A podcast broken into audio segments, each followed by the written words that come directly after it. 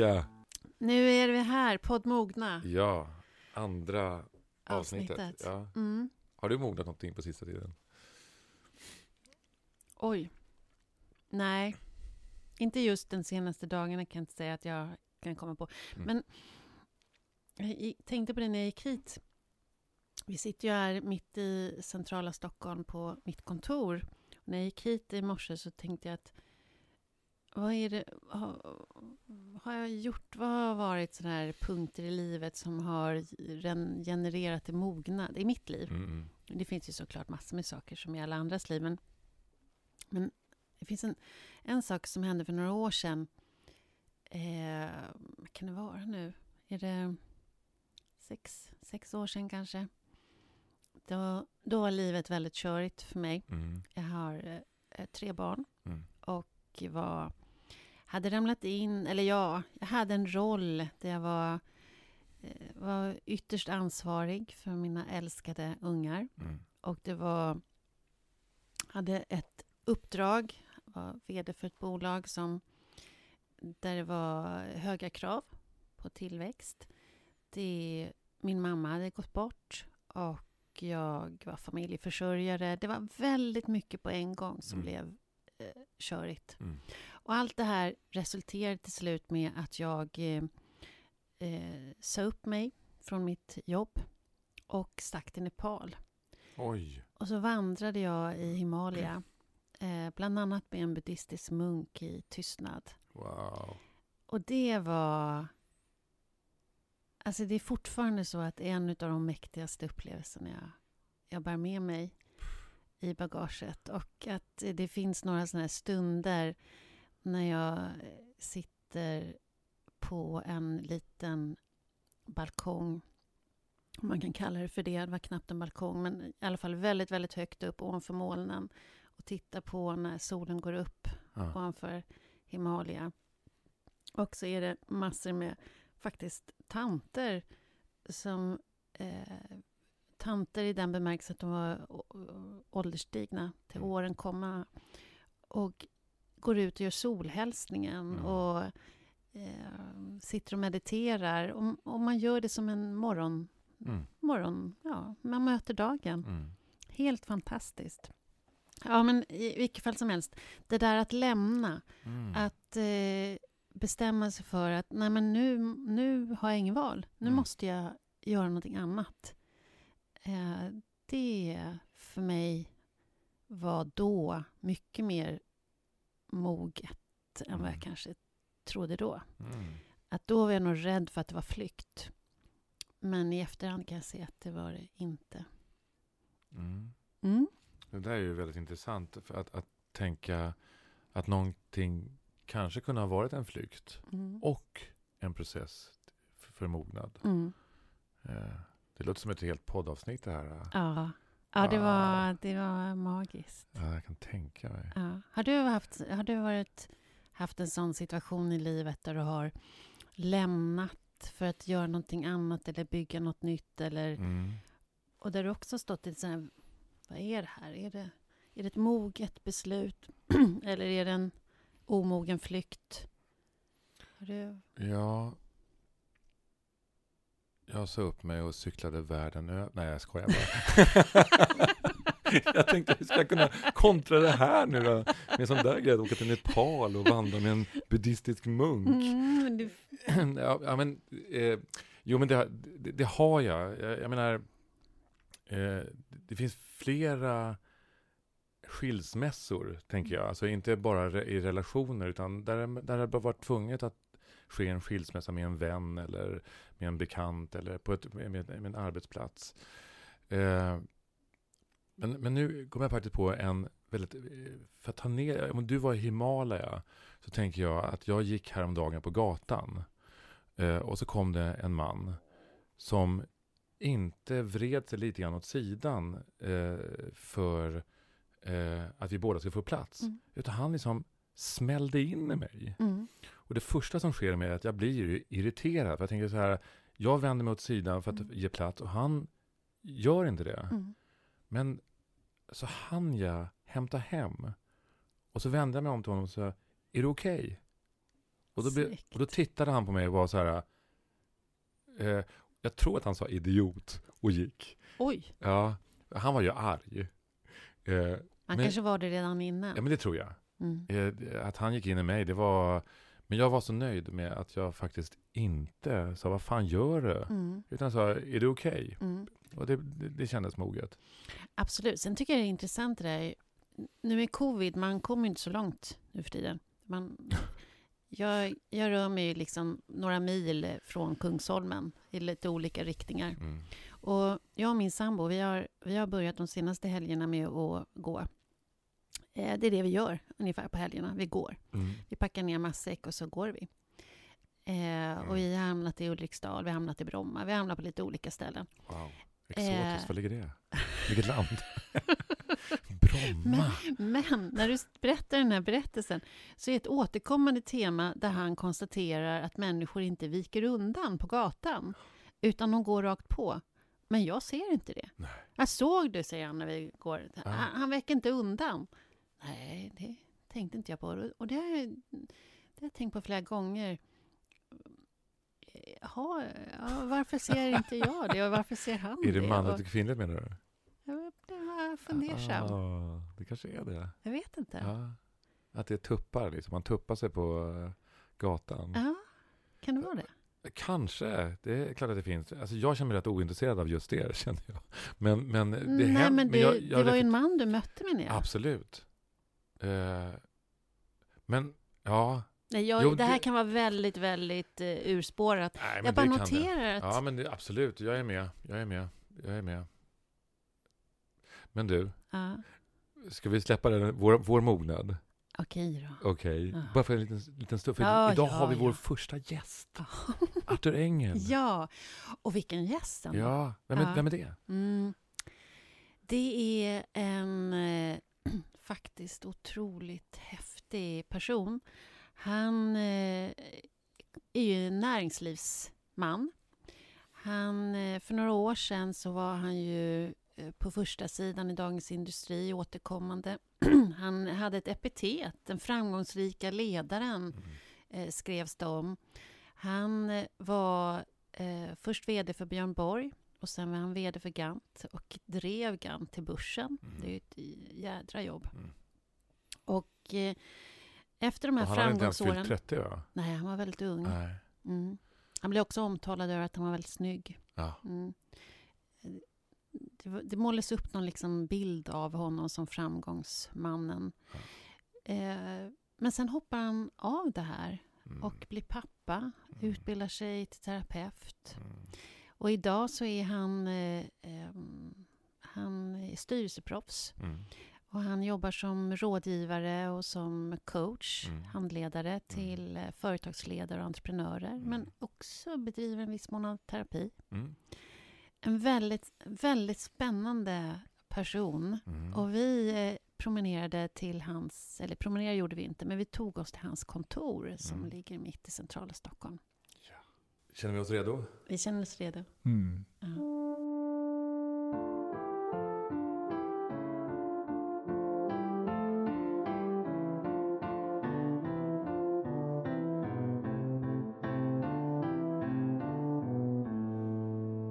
Varmt välkommen, Arthur Engel, till podd Mogna. Tack. Jättehärligt. Vi sitter just nu på ditt kontor eh, och dricker te. Mm. Eh, och det är vinter och det är kallt. Mm. Vi hade problem med att ta oss hit, Ruben och jag. Eh, eller Ruben hade. Jag, Jag var, hade. Jag, jag ville bara säga det, att jag var en halvtimme för tidig. Mm. Mm. Mm. Ja. Alltså, du, när jag klagade på så här att, tänk förra gången när jag klagade på att, tänk att varenda år när det blir så här mycket snö, då eh, blir, är det som att vi blir överraskade varenda gång och tunnelbanan fungerar inte och snöplogningen fungerar inte och så vidare. Så nu låter du som en gammal gubbe. Ja, det sa jag. Det sa du faktiskt. Jag returnerar att komma en halvtimme tidigare. Det är... Ja, det är lite tantigt. Själv cyklade jag på Själv du? Mm. Hur Mm. långt då?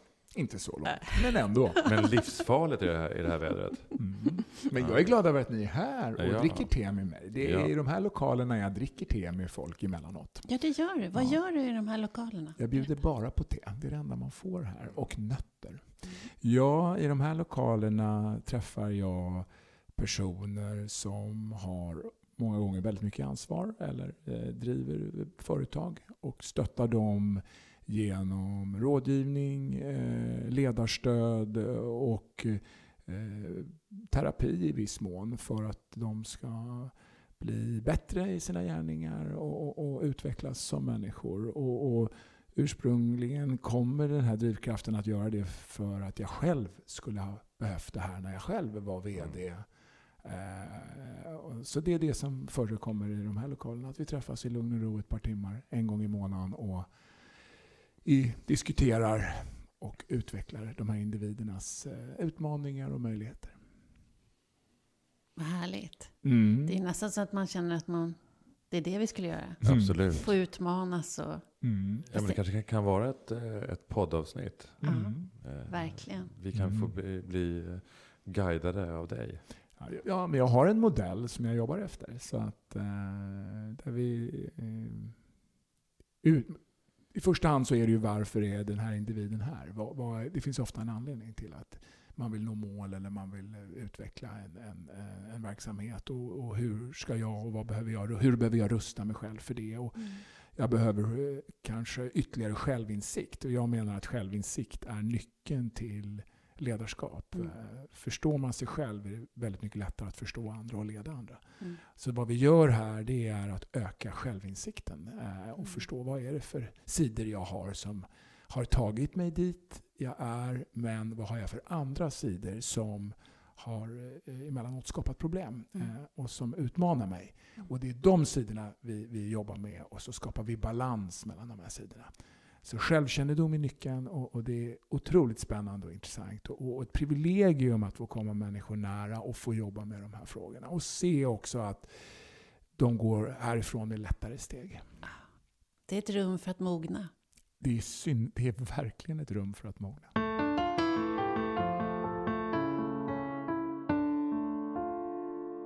Jag vill bara säga en sak.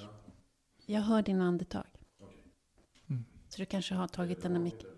Nej, det känns lite konstigt. Vad härligt att få sitta här med er. Ja. Ofta är vi bara två, men nu är vi tre. Ja. Det kan ju vara en ny affärsmodell Ja, faktiskt. det går det med. Det händer det också faktiskt. Ja. Ja. Jag tänkte fråga dig om eh, den senaste tiden. Arthur, har du mognat något? Ja, jag har mognat. Eh, jag har mognat sista veckorna för jag har fått eh, in, sitta på mina händer. Eh, och det är eh, under den här coronaperioden som har pågått mycket längre än vad jag kunde föreställa mig så, så har jag behövt eh, ha tillit till att eh, saker förändras, saker flyttas, saker blir inte som jag tänkt mig. Och då eh, eh, behöver jag ta en lång promenad med hunden och inte genast börja göra saker som ligger naturligt för mig, som är ett starkt karaktärsdrag jag har. Så att, absolut, och, och, och också då eh, dra nytta av den tid som finns, men på ett annat sätt än vad jag är van vid. Och det går faktiskt rätt bra. Och för mig är ledordet tillit. Sen har jag ett annat, eh, ett annat eh, löfte för mig själv 2021, att absolut sluta vara rädd.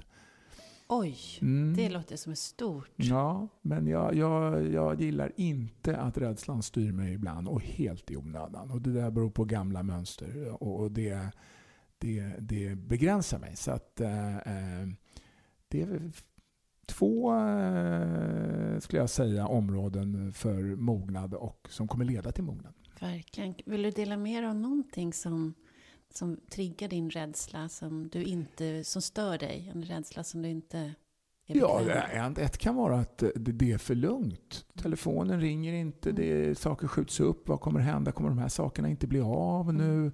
Rinner de ut i sanden?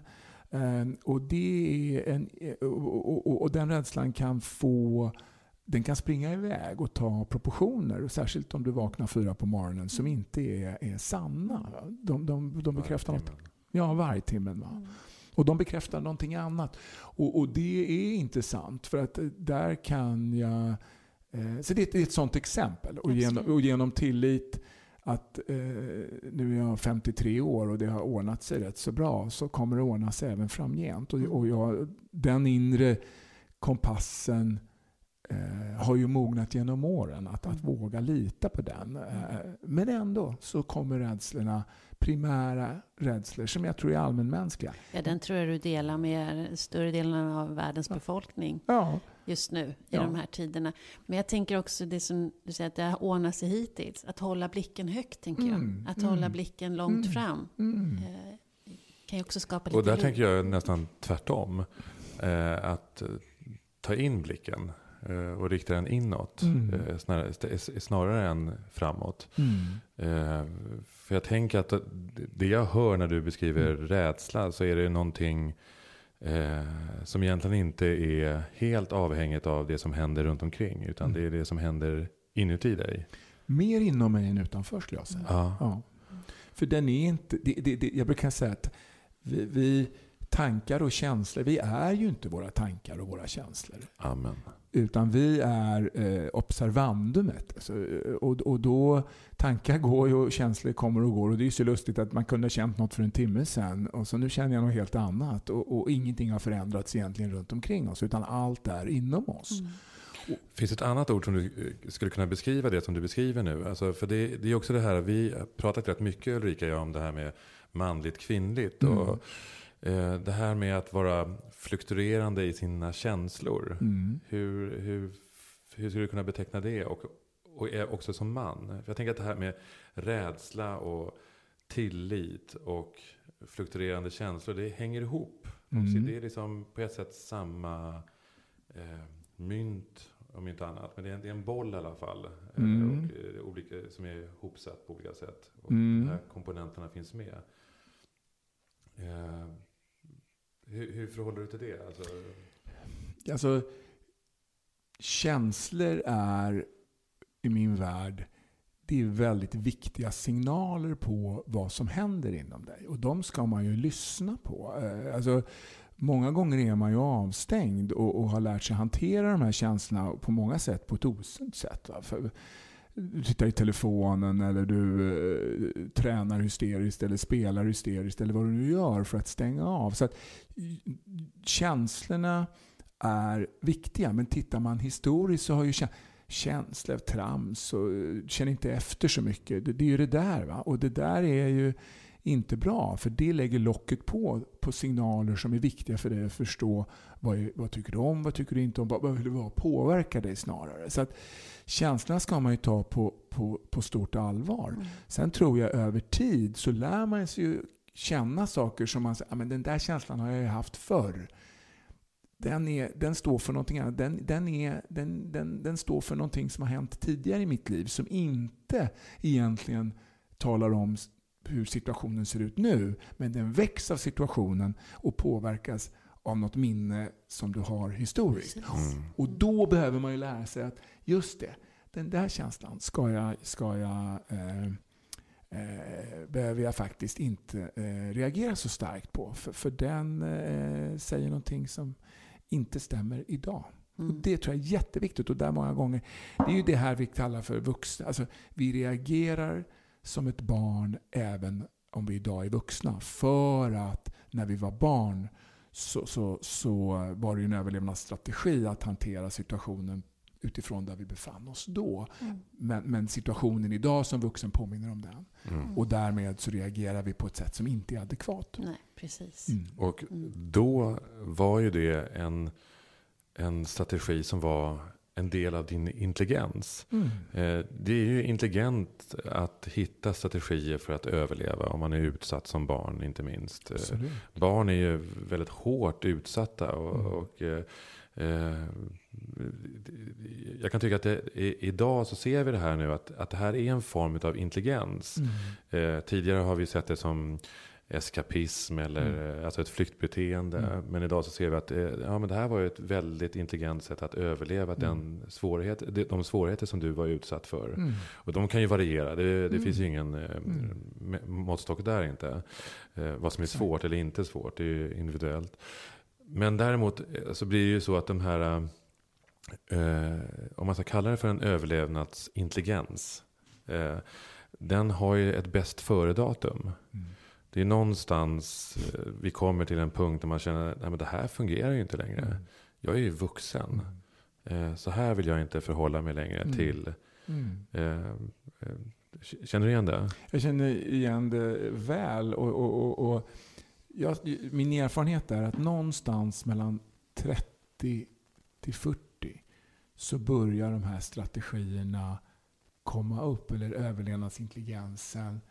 Den har liksom, du har kunnat hantera den, men helt, sen börjar det hända någonting som gör att den där börjar poppa upp på olika sätt och, och eh, kanske inte alltid vara funktionell, utan Mm. blir då Mm. dysfunktionell. Precis. Men jag ser ju även eh, 70-plussare som, som har de här strategierna och burit med sig dem och inte tittat på dem eller velat förstå dem eller vad det nu än må vara. Mm. Men även yngre individer som är runt 25 och är Mm. väldigt insiktsfulla kring detta och förstår. Och, men jag vill säga, bara det samtalet vi har nu. Kunskapsnivån om detta har ju ökat så mycket de sista Mm. 10-15 åren. Kanske mer, eh, och aktualiserats ännu mer de sista åren. Mm. Och det gör ju att medvetandegraden ökar. ju, För annars tror jag inte folk har förstått riktigt. Alltså, varför gör jag det här? Varför blir det så här för mig? Mm. Ja, det är intressant. Du, vi ska prata lite om dig. Min första kontakt med dig det var ju när jag tillsammans med Jonas Nyman skrev boken eh, Manlighetskoden. Och jag googlade lite på dig och försökte se vem, vem är du? Och så fick jag fram en hel del eh, Dagens Industri-intervjuer där du var omslagsfoto eh, på dig eh, på framsidan och det betecknades om och om igen som den framgångsrika ledaren. Eh, vem, och det här var ju rätt många år eh, i ditt liv. Eh, att, vara, att, bli, att bli kallad så, att bli benämnd på det sättet och också vara det såklart. Vad, vad gjorde det med dig? Ja, ehm, jag tänker att eh, jag blev rädd Mm. eh, på ett plan. Mm. Det, det där är ju en eh, speciell situation att vara i. Och, och, och jag tror jag nämnde för er att inledande av det här samtalet att eh, idag tar, stöttar jag personer som är i de här situationerna för att eh, jag hade behövt det själv. Mm. Jag var väldigt ensam i, eh, att, i den där situationen. Och, och att bli värderad utifrån eh, är läskigt för du har eh, inte kontroll. Och kontroll är ju förstås någonting som man ändå inte har men man kan tro att man har. Men man är liksom utlämnad till andra och jag var rätt ung. I, i, det här var ju en tidig, rätt tidig fas. Jag hade liksom en snabb utveckling om man nu ska använda ordet karriär. Så att, så att och det, ibland så är det ju positiva omdömen och ibland är omdömena mer kritiska. Mm. Eh, Men jag blev rädd. Och, eh, och även om... Så det var, och det var ju...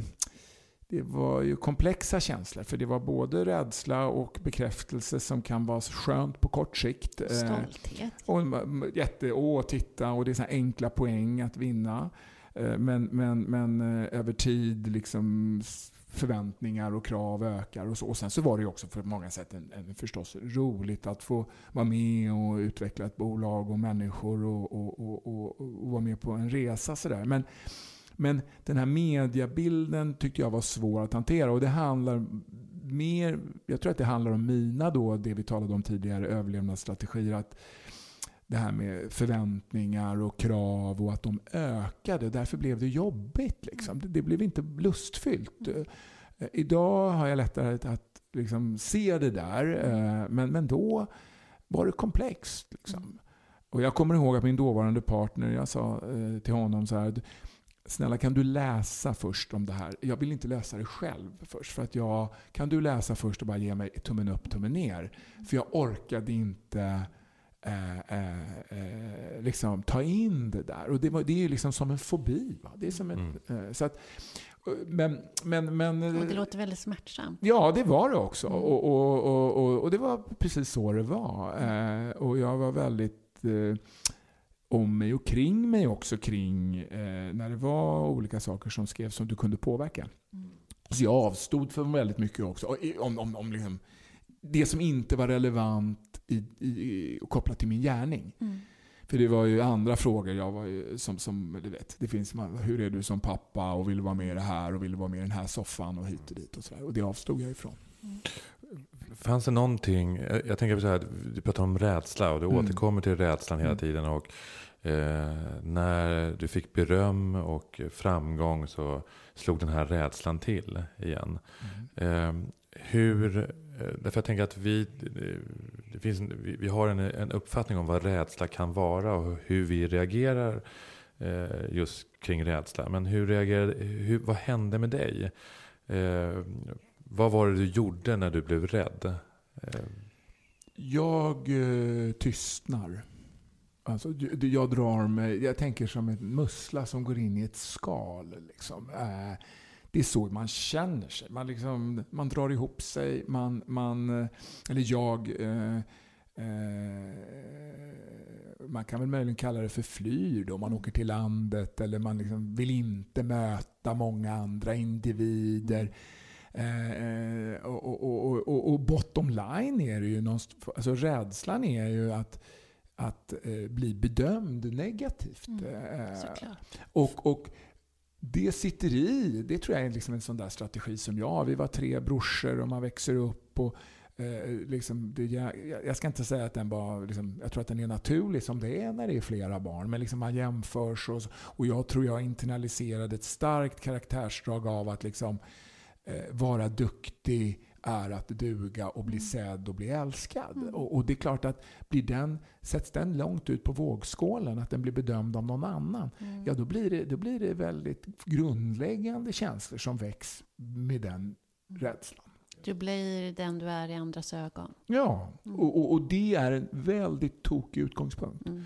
Det är att du, du, du eh, reagerar istället för att du agerar. Du blir alltså utifrån styrd. Mm. Och det är ett väldigt olyckligt, liksom, det är inget sund, sund plats att vara på. Och där kan man då det kan man då koppla till rubriken på det här programmet. Att där har i alla fall jag mognat. Att mm. alltså, det blir min egen inre kompass som styr och eh, jag är inifrån styrd i mycket större utsträckning idag än, än att vara utifrån styrd. Och det skapar ju förstås en enorm trygghet. Men är det de här in, att, du, att du idag är inifrån styrd, är det ändå ett resultat av de här åren? Blev det ändå ett, blev det ett sätt att växa i det som var? Ja, men jag tänker, jag vill inte ha någonting ogjort för att allt är en kedja. Alltså, kedjan är ju, hade jag inte haft den erfarenheten hade inte det triggat till förändring och triggat till terapi och triggat till insikt. Alltså, det är en kedja. Mm. Och den, jag, jag, idag kan jag sitta här tryggt och säga jag skulle inte vilja ha någonting ogjort. Mm. För det, det har ju format mm. den vi är idag. Även om det är tufft. Att, men det är tufft att vara människa. Jag tycker inte heller vi ska försöka skapa någon annan bild. Utan att, eh, det, att vara människa är smärtsamt och också glädjefyllt. Och det finns ibland vissa sådär små stunder av kanske eufori. Men annars är livet det är långt ifrån bara liksom, eh, glädje och, och, Promenad i parken. Promenad i parken. Mm. Och så ska det inte vara. Eller så ser inte livet ut. Nej,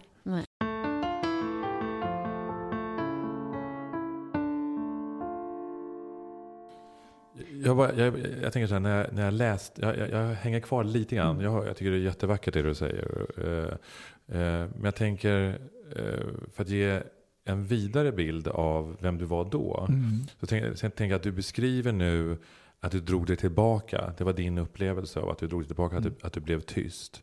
Eh, vi som inte kände dig då mm. såg ju en väldigt framgångsrik man som du beskriver på, på, på eh, omslag. Och du var eh, för ett modeföretag, för flera modeföretag och så vidare. Det var någonting väldigt framåt. Och, väl, alltså, och du var så ung också. Eh, jag tänker, var det så att rädslan eh, var dubbel där. Att den, den, ena biten var den här lilla pojken som drog sig tillbaka och in, upplevde att han blev tyst. Därför att det var inte ditt eh, inre som talade. Men den andra delen av rädslan gjorde att du blev överaktiv. Kan det vara så? Ja, det är möjligt. Att jag tänker att det, det finns ju något skydd i det där. Det. Alltså jag tror att det finns en del som kan, bli, som kan vara att man blir eh, eh, känslomässigt liksom drar ihop sig. ursäkta, drar ihop sig. Och därmed eh, krymper. Men ett, för att skydda det så tror jag att, liksom upplever jag att eh, man lägger på en, liksom en, en gladpack eh, eh, hinna på sig själv och går, lite, går på autopilot. Och det där kan man göra ett tag. Sen börjar en destruktiv process. Och då, i mitt fall, hanterade jag de här känslorna av rädsla, otrygghet på ett osunt sätt. Ja, och kontra eh, eh, för jag blev liksom inte genuin. Va? Det, det där bottnade ju inte. Så jag tror liksom delvis ytan av att vara aktiv och, och fortsätta och utvecklas och så. Den, den var ju eh, säkert den del som ni då såg och som var eh, liksom, det, det alla såg och även delvis jag själv. Medan inuti så hände en annan process. Och, och börjar de här processerna växa för långt ifrån varandra, då börjar det göra ont och då behöver man liksom hantera det. Jag, och där såg jag hos mig själv osunda beteenden som jag kände att det här måste jag förändra om, det, om jag ska må bra över tid. Liksom. Ja. Men jag tror, att, och jag tror att det här är väldigt allmänmänskligt. Men jag är tacksam över att, att jag såg det hyfsat i tid i alla fall. Mm. Mm. Om du eh, tittar tillbaka på ditt liv så här långt. Kan, vad, kan du se någon, någon period eller någon sekvens i ditt liv där du gjorde ett riktigt språng i mognad, i växande? I... Ja, jag tror det är kopplat till det här. Alltså jag, min, min känsla, eller min uppfattning är att när jag var 40 mm. eh, och Eh, eller 39, jag, jag var, när Beata föddes, min dotter, var jag 38-39. Och eh, sen var jag pappaledig. Där hände någonting. Mm. Dels i att jag upplevde att jag förstod att jag behöver bryta mönster som jag hade med mig och vuxit upp med. Det här med förväntningar och att göra och duga och, och, och, brist på att kunna uttrycka känslor och närhet och så. Det var ingenting jag ville föra över eh, till min dotter. Då började jag aktivt eh, eh titta på de här känslorna som jag nämnde tidigare som jag inte vågat se. Som jag hade på något sätt inkapslat, kan man kalla det för det? Mm. Och eh, med de här samlande sju väldigt intensiva åren som VD och med allt det det innebar, eh, med goda erfarenheter men också med massa självinsikt kring mig själv och mm. den komplexa situation vi var i. Mm. De här två sammanföll mm. till en ordentlig rannsakan av mig själv och att titta på vad, mm, liksom, vad är vad, är, vad vill jag vårda och utveckla? Vad behöver jag jobba med och ta tag i? Och det var absolut en turning point uh, i, i, att uh, öka självinsikten, uh, utveck, fortsätta utveckla det som är positivt, vara mer genuin, bryta mönster som jag inte var, var, var glad över. Och, och en stor lucka öppnades till öka ja, men självkännedom, intresset för, för hur människor är och hur komplexa vi är och hur, hur det fungerar. Och också den här eh, föräldraskapet som är en väldigt god spegel på dig själv. Liksom. Mm. För du får från dina barn tillbaka det som du själv visar. Mm. mm. Och det är så tacksam över att det där kom vid den tajmingen. För mm. det, det har gjort att jag idag har en väldigt nära kontakt och kan vara känslomässig med min dotter på ett helt annat sätt än vad jag själv upplevde som liten. Mm. Man tänker att det var en jättepoäng för ditt, din dotter. Ja, och att för det... mig. It's a win-win. om, man, förlåt. Förlåt. om man skulle föra upp det här på, eh, det var ju givetvis tystnadsplikt och jag ska inte eh, mm. röja någonting så. Men jag tänker på om man för upp det här till Eh, det politiska ledarskapet men även näringslivet och, och eh, att eh, kunna vad det innebär att byta strategi. Det som man alltid har, har, den vägen som vi alltid har gått. Hur skulle det vara en win-win situation också för näringslivet? Att vara mera eh, sårbara i sitt ledarskap? Jag vet inte om jag skulle koppla koppla det till näringslivet. Men du, ordet sårbar är ett ord som jag ofta använder i eh, de personer som jag jobbar med. Och generellt. Det är alltså att våga visa sig sårbar är en styrka som skapar förtroende och skapar förutsättningar för ett ledarskap som är på riktigt. För det, alla människor är sårbara. Mm. Eh, och vågar man visa... Alltså sårbar är, det är väl en definition. Jag är inte så säker på att man ska liksom eh, fläka ut sina sårbarheter. Men att visa vad är jag bra på? Vad är jag mindre bra på? Vad tycker jag är tufft? Att visa att jag är människa som ledare. Mm. Det stärker alla ledare. Och där tror jag, det, det, spelar ingen roll om du är i näringslivet eller om du är ansvarig för en eh, politiker eller i en uh, chef för Operan eller vad det nu kan mm. vara. Utan det är uh, en, en, en styrka som, som jag ofta talar om med de jag jobbar med. Mm. Mm. Och när du med din erfarenhet och, och den du är som människa, med den kunskap du har med dig, om du tittar ut över vår samtid just nu, i, hur bedömer du behovet av att växa som vuxen eller mogna som kollektiv? Eller vad ser du när du spejar ut? Men jag, tänker att, jag, menar, det, det, jag tänker att behovet är stort. Eh, och jag tror att, eh, som jag sa, det, det händer mycket nu. Att, att vi sitter och pratar om det här nu. Er bok som ni har gett ut. Alltså samtalet som pågår idag är indikationer på att det här är viktigt och att vi människor är intresserade av att lyssna och vilja utveckla oss själva. Mm. Jag gick en promenad med en kompis igår som berättar om sin process, eh, jämnårig med mig, som berättar om sin process och, och, och, och nu vågar titta på sidor hos sig själv som eh, har legat och skavt länge, länge, länge. Och det är otroligt positivt att få liksom, höra det. Och då tänker jag så här, ja, det finns ett enormt behov. Mm. Och det finns ett intresse. Men mm. sen behöver ju vi vara mottagliga. Mm. Och det man har stor respekt för. Mm. Att det är individuellt. Det går inte att påskynda de här processerna. Men jag tror att ju, ju öppnare vi är, ju mer mm. tillåtande vi är, ju friare vi är, desto, desto mer kommer intresset att öka och vi kommer att våga titta mer på oss själva. Så att vi är en del av detta. Ni är en del av detta som, mm. som initierar detta, tänker jag. Mm. mm. Jag tänker vi allihopa. Ja, mm. men... Och i ditt arbete tänker jag också, det är ju vad du sysslar med. Ja, och som jag försöker ta med mig in i miljöer där jag, när jag jobbar, när jag, jag är engagerad i styrelsearbete och i styrelseordförande mm. i bolag.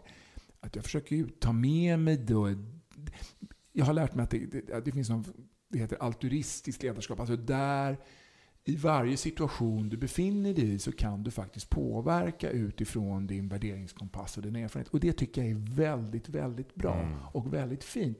Man behöver inte göra... Om, om vi alla människor utifrån varje situation där vi befinner oss försöker göra vårt bästa utifrån våra värderingar och, och, vad vi tror eh, är viktigt och rätt, så kommer det hända väldigt mycket. Mm. Sen kan man ha en bra eller dålig dag och det får man också ha respekt för. Men, mm. men hur kan jag i ett styrelserum påverka till att vi får ett mer eh, öppet och, och, och, och, sunt och vettigt samtal? Och ibland blir det bra, ibland blir det mindre bra. Men, mm. men det, det, det är där vi kan verka. Det andra betyder ju inte, eller betyder mycket kanske också, men jag tänker att det är i situationen det ändå spelar störst roll. Mm. Så vi, vi, alla har ett ansvar och det gäller ju både ja. i det professionella men också i det vardagliga ja. livet. Och, eh, även, jag tänker att ibland så pratar vi alltid om, i, om, om stora situationer, om avgörande, men det handlar ju faktiskt om i mataffären, i mm. tunnelbanan, i mm. trafiken. I, det, är, det är också där vi måste både visa vår sårbarhet men också vår, vårt försök att, vara, att bete oss på ett moget sätt. Mm. Eh, att reflektera över, eh, mm. eh, till exempel i trafiken, att, att jordaxeln inte går genom mig. Att det finns andra fysikaliska krafter som rör sig. Bara en sån sak skulle ju innebära mindre kollisioner till exempel. Mm. Eh, och det en, kan ju vara en träffande bild för resten av samhället också. Mm. Alltså om vi, ba, om vi inte hela tiden utgår endast från oss själva. Utan vi har en möjlighet att tänka att, att eh, jag ser dig, eh, se mig. Jag mm. hör dig, höra mig. Mm. Så har vi kommit en ganska bra bit. Mm. mm. Absolut. Och egentligen så är det inte så himla svårt. Och det här, som du säger, det här är ju ett sånt samtal. Men jag tänker, du, möter ju, du berättar ju att i det här rummet där vi befinner oss just nu så möter du människor med mycket ansvar, stort ansvar. Och jag tänker att eh, för många, eh, det gäller ju den världen som du kommer ifrån också Ruben, tänker jag, när det, är, det handlar mycket om prestation, om att leverera. Sådana miljöer kanske inte alltid gynna, är gynnsamt för personlig utveckling eller mognad. Mm. Eh, och då tänker jag, när, vad ser du de här förutsättningarna som ges då för människor som kliver in i miljöer där de tar, med, tar på sig större och större ansvar eller det, kraven på leveransen blir högre och högre.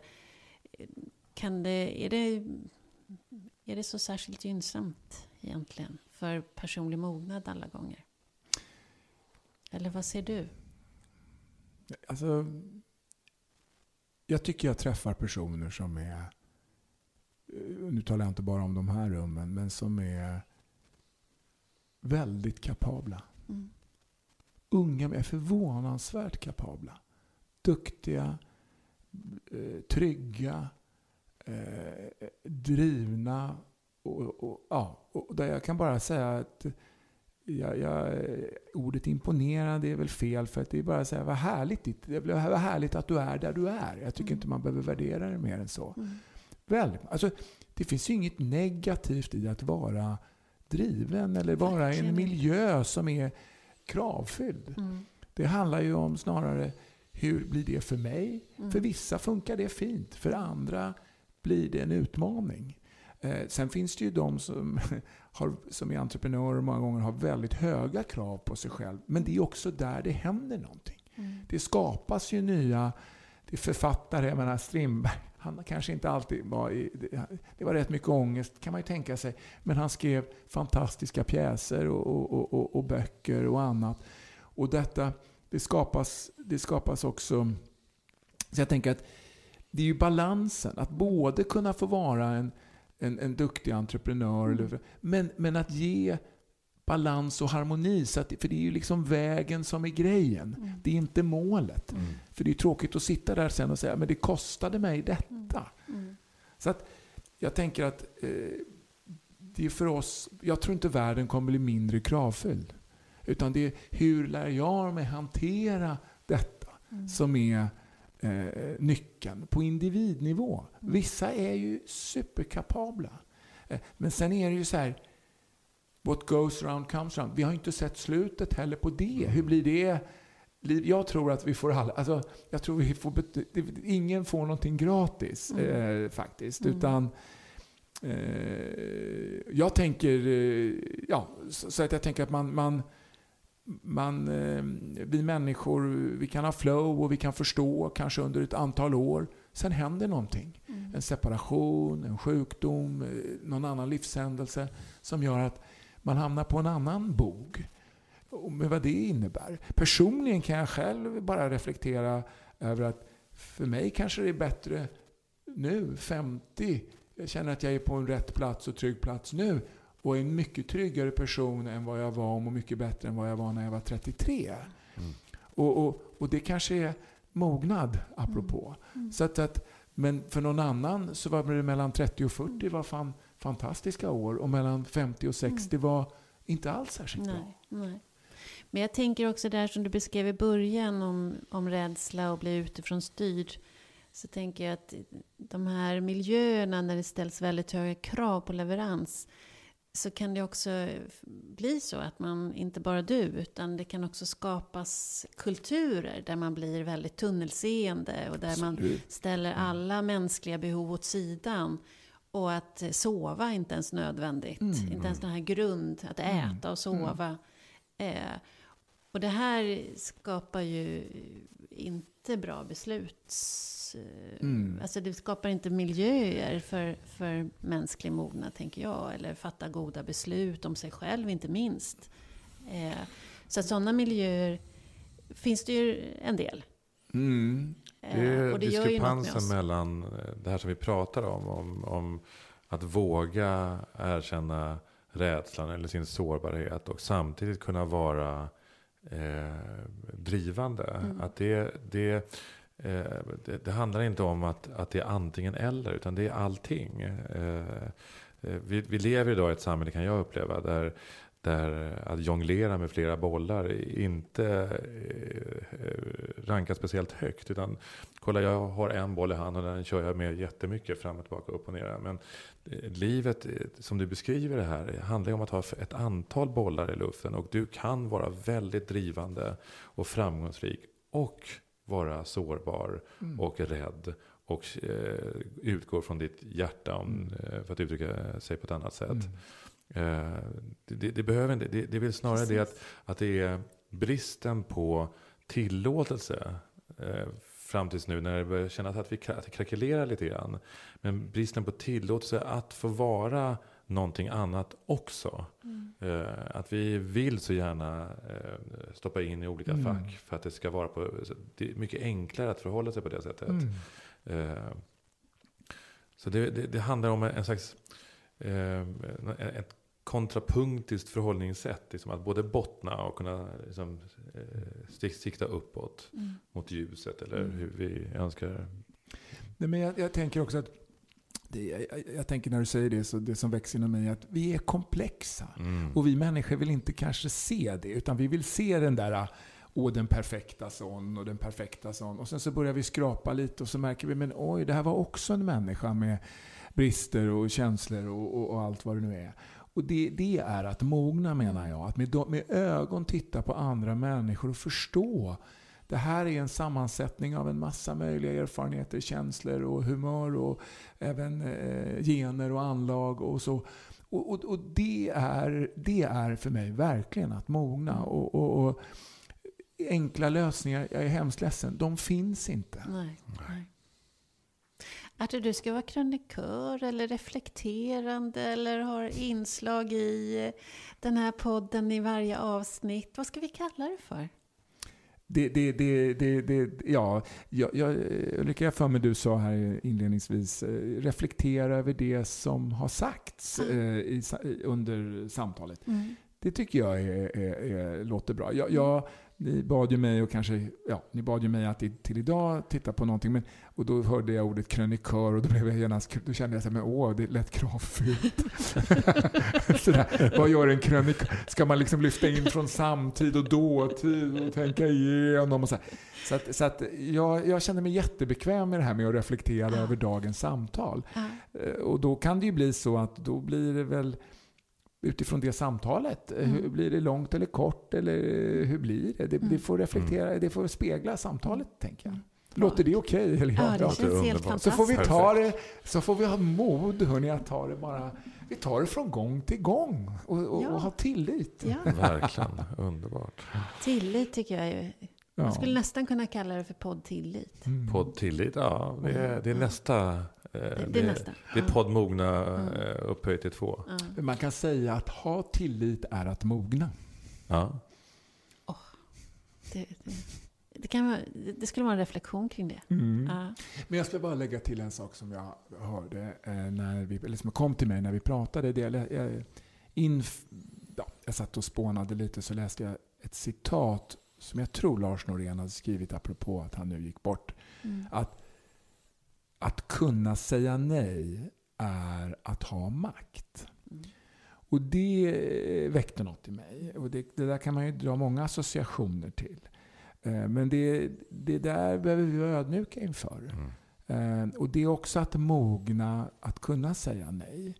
Eh, och, och, och, och, och det kan man ju tänka att jag har en inre trygghet som gör att jag kan säga nej. Eller jag har en ekonomisk möjlighet att kunna säga nej. Eller, eller så. Och det, är, det här ska vi, det, det är inte så givet.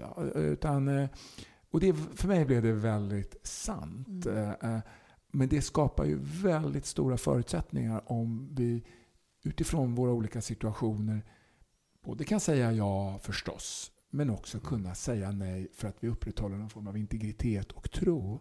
Men det kräver eh, liksom, det kräver det, mognad, förutsättningar som vi just pratade om. Och det, Mm. det, jag tror att det är lätt att tro att många har det och det är jag inte så säker på.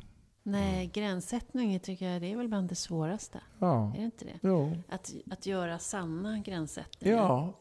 som är sina Och egna. det, det, och det är mycket som växer i det. Liksom. Mm. Men jag tror att vi blir, väldigt, vi, vi blir bättre om vi vågar verkligen Mm. sätta gränser. Verkligen, det är ett ansvar. Över tid blir det väldigt mycket bättre. Ja, det är ett, det är ett stort ansvar. ansvar. Och Mm. det kan också vara väldigt kreativt att, att sätta gränser. Ja. Alltså, det blir, apropå att vara effektiv, Ja, så att, att vara eh, ramsäker ja exakt. är att kunna också vara mer effektiv. Och, Mm. eh, och med de orden, för att vara lite effektiv, Mm. så tänkte vi höra om du skulle vilja läsa din krönika. Hur var det? Var det en krönika eller var det...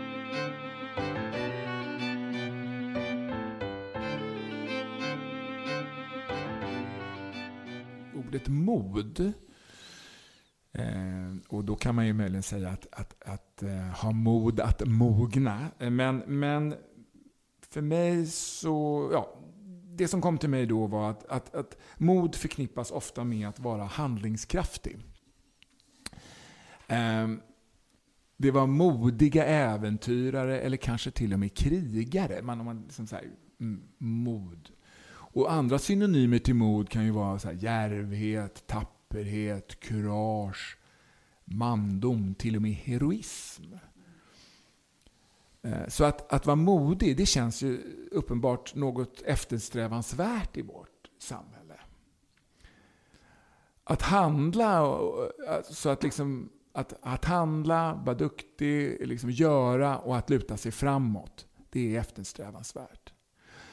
År 2021 kan ju modets mening upplevas som något lockande då med andra ord och eftertraktat.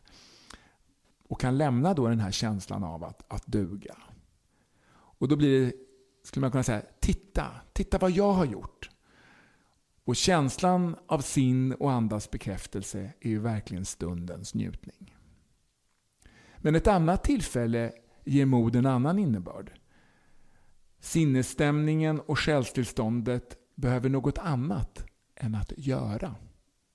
Och då kan man välja att stanna upp och stanna kvar. Att inte försöka på gamla grunder, grunder kontrollera eller handla för att slippa någon känsla. Och Då kan man tänka sig att egot vänder sig utåt och tar mod och visar istället vänlighet, välvilja och tolerans. Att ta mod och släppa taget istället om invanda mönster. Och det är ju förstås hiskeligt.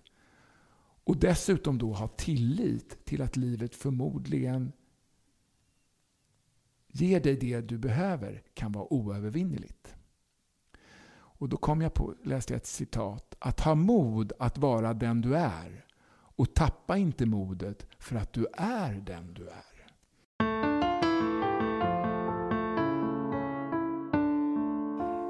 Då är det dags att börja runda av.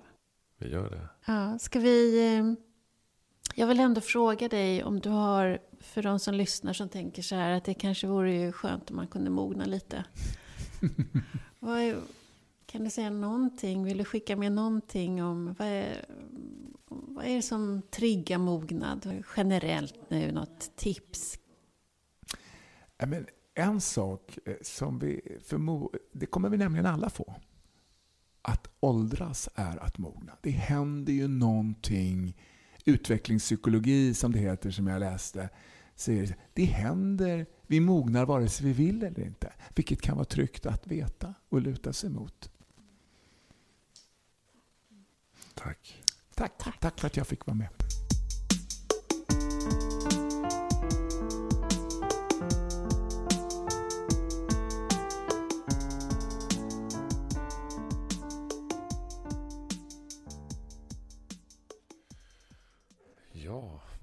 Gäst. Mm. Arthur Engel Mm. Och krönikör. och krön... Nej, inte krönikör, reflektör. Okej, okej. Och reflektör. Vår Det reflektör. tycker jag vi har bestämt nu. Okej, reflektör är det. Men det är, det är fint. Mm. Det är fint. Mm. Reflektör. Ja, Mm. det är mycket bättre i sammanhanget med mogna. Mycket bättre. Ja. Men vilken fin man. Han, eh, vad tar du med dig? Jag, jag tar nog med mig eh, det som jag som träffade mig. Som, eh, det är sårbarheten Mm. igen. Mm. Det där att, eh,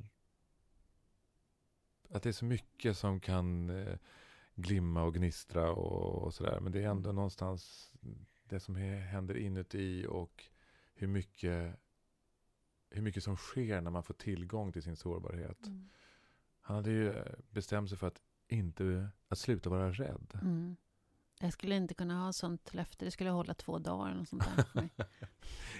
För jag tänker att det, det handlar väl inte om att, att inte vara rädd egentligen, men att medvetengöra sin rädsla, tänker jag. Ja, fast han har ju bestämt sig att, att han skulle ha tillit. Han skulle sluta vara rädd. Ja, just det. Jag tycker det var jättefint. Jag, det jag tänker på också, det är ju att han är en viktig manlig förebild i näringslivet. Mm. Att näringslivet finns det ju fortfarande väldigt mycket machokultur Mm. kring att vara chef. Man ska vara stark och man ska vara distanserad och, och man ska vara beslutsmässig och man ska Mm. inte visa någon sårbarhet. Det låter med andra ord som samhället är stort. Ja, ja, ja precis. Ja. Eh, Men mycket kopplat också till chefen, alltså förväntningar just på hur en chef ska det. vara. Mm. Eh, och det, det, går, det funkar ju inte i vår tid när man behöver samarbeta och det Mm. är svåra frågor och det är komplext och, och vi behöver nyttja varandras kompetenser och mötas. Så jag tänker också att han är en, en fantastiskt fin förebild för näringslivet Mm. som, som sektor. Liksom. Mm. Men det, jag är nöjd med vårt första avsnitt med gäst. Ja, Är du det? jag är jättenöjd. Ja. Och jag är jättenöjd av att vi har ärtor som reflektör. ja. Mm. Underbart. Ska, vi säga, ska vi säga så? Det tycker jag. Ja, Tack Ulrika. tack. Hej. Hej.